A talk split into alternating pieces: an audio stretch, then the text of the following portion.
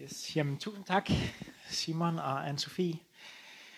Og øh, jeg vil øh, som sagt fortsætte med en øh, lille tale her. Øh, og jeg har givet den titlen i dag, En Gud med ar. Og øh, det er jo øh, første søndag efter påske, og øh, i dag der skal vi se lidt nærmere på det her faktum, at øh, Jesus han har ar på sin opstandende krop. Øh, men før vi lige kommer sådan til dagens tekst, så vil jeg bare lige gøre det klart for os, at det kropslige og øh, ja, det fysiske, det er mega vigtigt aspekt af den kristne tro.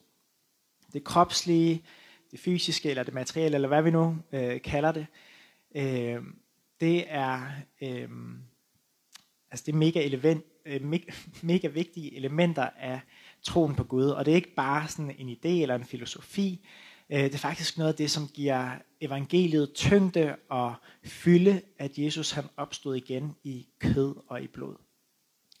Og det er ikke bare Jesu idéer og hans minder, som ligesom opstår, det er faktisk hele hans krop. Og I kender øh, måske ordet inkarnation, som betyder kødeliggjort. Og øh, Gud selv, han blev altså et inkarneret menneske.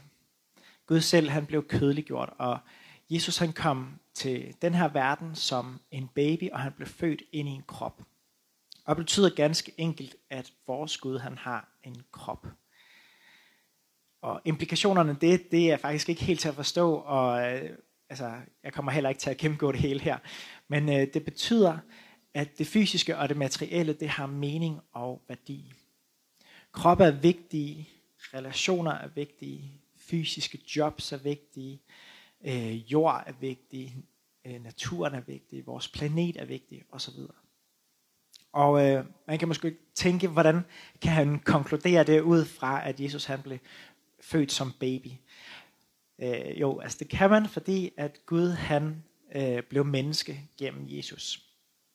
Og det betyder, at Gud han har en krop, og det betyder, at ånd og krop ikke er i krig med hinanden. Øhm, ånd og krop, det er ikke opdelt, som man måske kan tænke det. For i den vestlige verden, der er vi enormt præget af den her dualistiske tankegang, som er inspireret af græsk tænkning, og særligt Platon, hvor vi adskiller det kropslige øh, og det åndelige. Øhm, og det har i høj grad præget vores teologi i Vesten igennem flere hundrede år. Men øh, det er simpelthen ikke rigtigt. For vi har en tendens til at sige, at det åndelige det er godt, og det fysiske og det kropslige det er dårligt. Eller at det åndelige er bedre, og det kropslige er mindre godt. Eller måske at det åndelige er godt, og det fysiske det er sådan noget, man skal lære at leve med eller dele med. Eller måske har du hørt det sådan her, at himlen er god, og at jorden er dårlig. Og konsekvensen af den tænkning er, at vi får en åndelighed, som stille og roligt øh, adskiller os fra kroppen og det fysiske liv. Og vores åndelighed, det bliver sådan en filosofi og en ideologi, som er frakoblet vores egentlige liv. Men hvis vi for eksempel læser første Mosebog, øh, hvor Gud han skaber verden, så er det helt tydeligt, at Gud han skaber en verden god. Han siger faktisk, eller der står syv gange, at Gud så, at det var godt. Og tallet syv betyder, by the way, øh, fuldkommenhed. Så i, øh, i begyndelsen af Bibelen, giver Gud det fysiske værdi. Og ved selv at blive menneske, viser han, at det kropslige har værdi. Og ved opstandelsen så understreger han en gang for alle, at inkarnationen den er god. Gud har erklæret, at kroppen og livet er godt. Og med det i baghovedet, der skal vi så læse dagens tekst, som er fra Lukas evangeliet kapitel 24, øh, vers 36-40, hvor der står sådan her. Mens de snakkede om, hvad der var sket, stod Jesus pludselig midt blandt dem og sagde, Fred være med jer. De blev alle forskrækket og troede, at det var et genfærd. Hvorfor er I så bange, spurgte Jesus, og hvorfor tvivler I? Se på mine hænder, se på mine fødder. Kan I ikke se, at det er mig? Føl, her, føl på mig. I kan se, at jeg har en krop, og det har et genfærd ikke. Samtidig rakte han hænderne frem, og han viste dem sine fødder, så hænder og fødder, så de kunne se navlemærkerne. Så en ting, vi kan trække ud af teksten her, det er, at vi kan tro på, eller at vi tror på en Gud, som har ar. Og det er måske en detalje, som man nemt kan overse. Måske fordi, at vi har hørt historien tusindvis af gange, eller måske fordi vi aldrig rigtig helt har øh, sådan overvejet, hvad det rent faktisk betyder for vores forståelse af, hvem Gud er. Men han har rent faktisk ar. Og evangeliet fortæller os, at Jesus han er i live, og at han er ar, og han er stadig i live, og han er stadig ar, og han vil altid have ar. Og mange af os har ar på kroppen. Måske har du ar sådan helt fysisk fra en operation, hvis du har været ude for et eller andet øh, en ulykke eller været et sygdomsforløb. Måske har du krasmærker på kroppen fra den irriterende dreng i børnehaven, som stadigvæk følger dig den dag i dag, eller en eller anden blyant, som han har stukket ned i låret på dig. Eller måske har du øh, styrtet på cyklen, ligesom jeg har, og har øh, flere skrammer rundt omkring på kroppen. Men det kan jo selvfølgelig også være, at øh, vi har indre ar, som hjertet bærer. Men Jesus han har ar på hovedet, hænderne og fødderne og i siden. Og hvis Jesus har ar, så betyder det ganske enkelt, at vores Gud også har ar. Og det betyder, at vores Gud ikke er langt væk. Og selvom vi holder en masse afstand her i øh, de her coronatider, og selvom vi prøver at holde en masse distance, så er Gud ikke på distance. Nej, han er helt nær. Og han er ikke en, øh, bare nær i sådan fysisk forstand, fordi han er allesteds nærværende. Nej, han er også nær i den forstand, at han kender til det at have sorg. Han er altså ikke kun nær i vores omgivelser, men han er også nær i vores oplevelser. Og vores Gud, han er ikke sådan en mytisk Gud, en sådan rigtig øh, usårlig kraftkal som øh, Zeus eller Thor. Nej, vores Gud er mild og sårbar. Og han er også nær med hans mildhed og sårbarhed. Hans hud var tynd som vores, og hans hud blev gennemboret, og øh, ja, han bærer de her ar den dag i dag. Så vores Guds styrke, det er faktisk hans svaghed. Det er det, at han er mild og han er sårbar. Hvor utroligt det lyder. Og hvad betyder det? Det betyder, at han kender til smerte og lidelse. Han kender til livets barske realiteter. Og det gør han ikke på grund af, at han er alviden, som man hurtigt kan komme til at konkludere, når ja, det er jo Gud, han, han øh, ved, hvordan det hele er. Men nej, Gud kender til smerte og lidelse, fordi at han har levet et liv på grund af Jesus. Gud kender til det, fordi han har oplevet det, og han bærer det med sig hver eneste dag, hver eneste sekund. Han forstår det på grund af det liv, han har haft. Han forstår det på grund af de ar, han har på sin krop. Så Gud kender til svigt. Og han ved, hvad det vil sige at være ensom. Han ved, hvad det vil sige at være forhat. Han ved, hvad det vil sige at være sulten og tørstig. Han ved, hvad det vil sige at være sorgfuld. Han ved, hvad det vil sige at være i smerte fysisk smerte. Han ved, hvad det vil sige at være trist og forladt og desperat og bange. I går så øh, stod jeg for en begravelse for et ungt par, de havde øh, mistet deres ufødte søn. Og det var en virkelig tragisk dag, som var fyldt med tårer. Øhm, og når man står der midt i en smerte som deres, så kan det være ret svært at finde mening med livet og med tilværelsen. Og jeg tror heller ikke, at der er så meget mening at finde i virkeligheden. Og Bibelen giver os heller ikke rigtig nogen svar på, hvorfor de her svære ting sker. Den giver os ikke en mening med det. Øhm, det giver den ikke rigtig svar på. Men det, som Bibelen fortæller os, det er, at Gud han er med os i smerten og med i vores lidelser. Fordi han har oplevet det, og fordi han bærer art på sin egen krop. Så hvis du kæmper i dag, så ved Gud det godt. Fordi han har også kæmpet. Og det er ikke bare sådan, at han ved, hvad du gennemgår, men han forstår det også. Og det gode budskab ved påsken og de gode nyheder, det er, at vi ved, at vi har en Gud med arm. At, og vi ved, at vi har en Gud, som også er sårbar. Så hvis du har ondt i livet i dag, så skal du vide, at Gud han er ikke langt væk fra dig. På korset, der blev Jesus nemlig et med os alle. Alle os, som har ondt og som er sorgfulde. Så opstandelsen betyder, at døden og alle de svære ting, som vi står midt i, ikke har det sidste ord i vores liv. Jesus har besejret dødens magt og mørkets magt. Så opstandelsen betyder altså liv ind i alt det, som er dødt. Men opstandelsen er ikke fornægtelse af realiteterne. Hvis Jesus var opstået og kommet tilbage fra graven uden ar og uden hul i hænderne og uden hul i siden,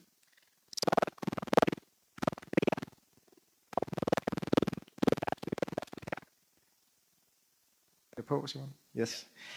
Okay.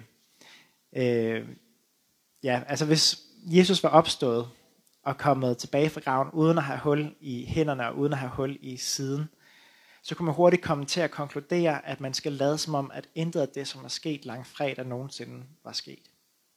Vi vil alle konkludere, at opstandelsen vil betyde, at øh, alle vores allerede levede liv og vores nuværende liv, det bare skulle være noget, vi skulle lade som om, at der skulle vi lade som om, at dit og dat ikke var, eller var sket. Og det vil betyde, at Guds godhed, det vil være at lade som om, at ondskab aldrig var sket. Det vil betyde, at godhed eller perfektion, det vil kunne annullere øh, ondskab. Og jeg sætter det op sådan, fordi at vi som mennesker faktisk er sindssygt gode til, og vi er virkelig mestre i at benægte alle de dårlige ting. Vi skubber det ind under guldtæppet og lader som om, at de ikke er der. Men evangeliet er, at vi ikke skal benægte, hvad det er, der er sket. Vi skal ikke blive en fake udgave af os selv for at træde ind i Guds godhed. Vi skal ikke bare lade som om. Jesus han øh, har sin sorg, og de bliver ikke glattet ud, og de bliver ikke slettet. De forbliver. Og livet med Gud er ikke et liv i fornægtelse. En ægte tro, det er ikke en tro i fornægtelse. En, en ægte tro, det er ikke at lade som om, at noget dårligt ikke er sket. Et liv i opstandelsen er ikke magisk, hvor sådan puff, så er det gamle liv slettet. Eller det er ikke græsk perfektion og fejlfrihed. Ser I, Gud han går faktisk ikke særlig meget op i perfektion. Men han går op i godhed. Og godhed har ikke særlig meget med perfektion at gøre. Og det betyder faktisk, at vi kan puste ud. Vi kan være ærlige og sårbare. Og vores sorg, de bliver til ar. Og arne, de, øh, som vi får her i livet, de forbliver. Men som I nok ved, så gør ar ikke ondt. Et, et sår gør ondt, men det gør et helet ar ikke. Og Jesus han blev oprejst fra det døde med et smil på sit ansigt og ar på kroppen. Og hvad Gud han har gjort for Jesus og for hans åbne sår, det vil han også gøre for den her verden en dag. Inklusiv dig og mig. Hver eneste sår og hver eneste såret ting vil blive fornyet. Alt vil blive restaureret.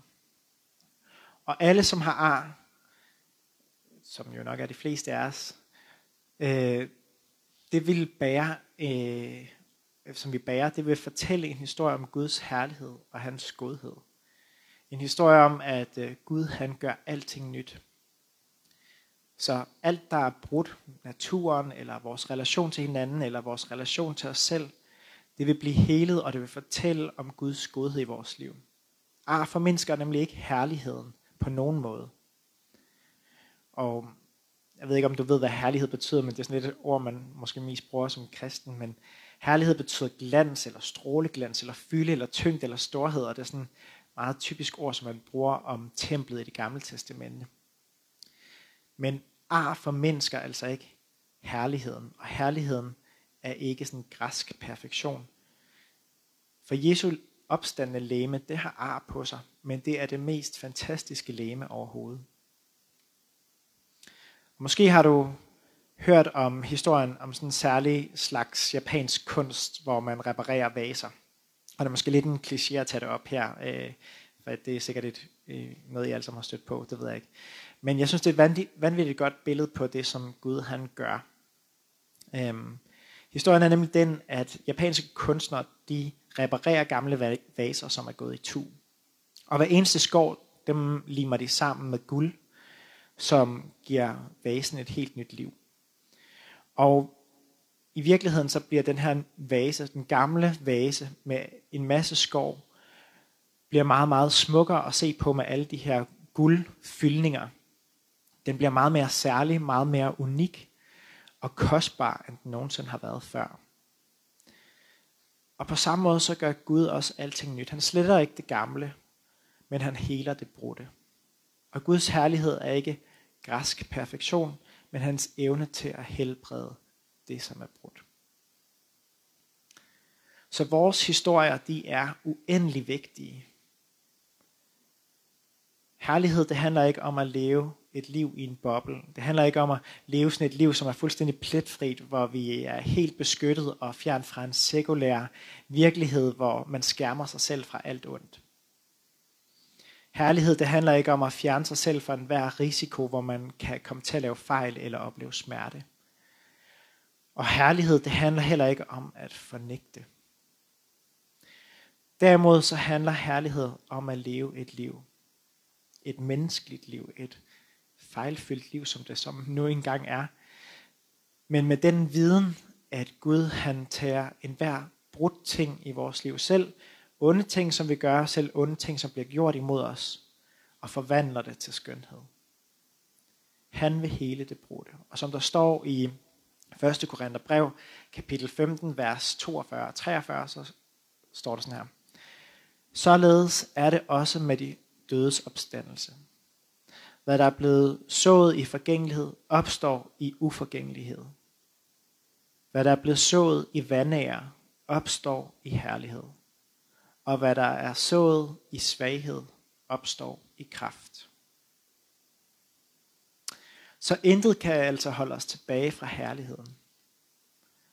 Så Jesu ar og hans herlighed gør os i stand til at leve liv, hvor vi kan satse, hvor vi kan elske, selvom det måske er smertefuldt, og selvom det måske øh, vi fejler fatalt, så er det ikke en grund til at holde os selv tilbage. Og mit budskab er i dag, at du faktisk ikke har nogen grund til at gemme dig. Du har ikke nogen grund til at gemme dig over for Gud, eller over for dig selv, eller over for andre. Man kan så hurtigt komme til at prøve at lade som om, at man er en anden end den, man er. Men der er ingen grund til det. Der er en frihed her, at vi ikke behøver at pretende, men vi kan være dem, som vi er, fordi Gud han ser ikke på perfektion, men han ser efter godhed og han kan forvandle brudhed til skønhed. Og det er det, der er håb, at det hele nok skal blive okay. Gud kan håndtere enhver situation, og det brudte vil blive helt, helet. Så har jeg ikke lyst til at bede sammen med mig. Øhm, og hvis der er noget af det, som jeg har talt om, som måske har rørt dig, så kan du, er du meget velkommen til at sende en besked øh, på vores Facebook-side, øh, så svarer vi den der, eller du kan også være med til at, at, at lægge dit, være åben omkring de ting, som du står med, øh, måske i din netværksgruppe, eller øh, du kan også bare række en hånd ud her, og så vil jeg inkludere dig i den her bøn. Ja, så lad os bede sammen. Kære Gud, tak, at du er en Gud med ar hvor vanvittigt det end lyder.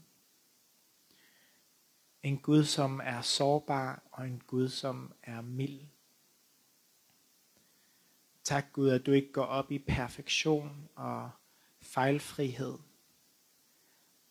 men at du går op i godhed, og du går op i, at, at hele det, som er brudt, og at vi kan få lov til at leve et liv i herlighed, på trods af, at vi er ufuldkommende.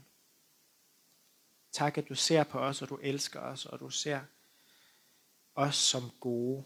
Du ser, at det, øh, som du har skabt, som godt.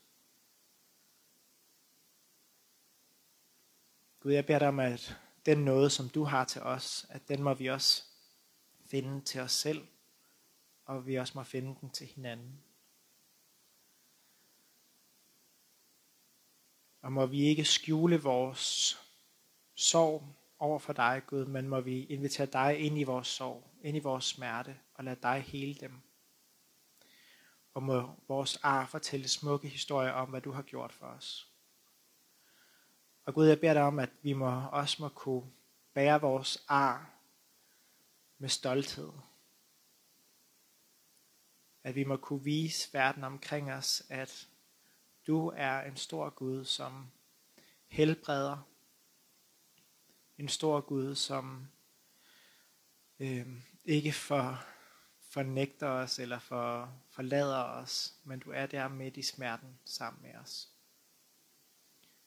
Og du har evnen og kraften til at hele. Du er den opstandende Gud, som vinder over døden og over mørkets magt.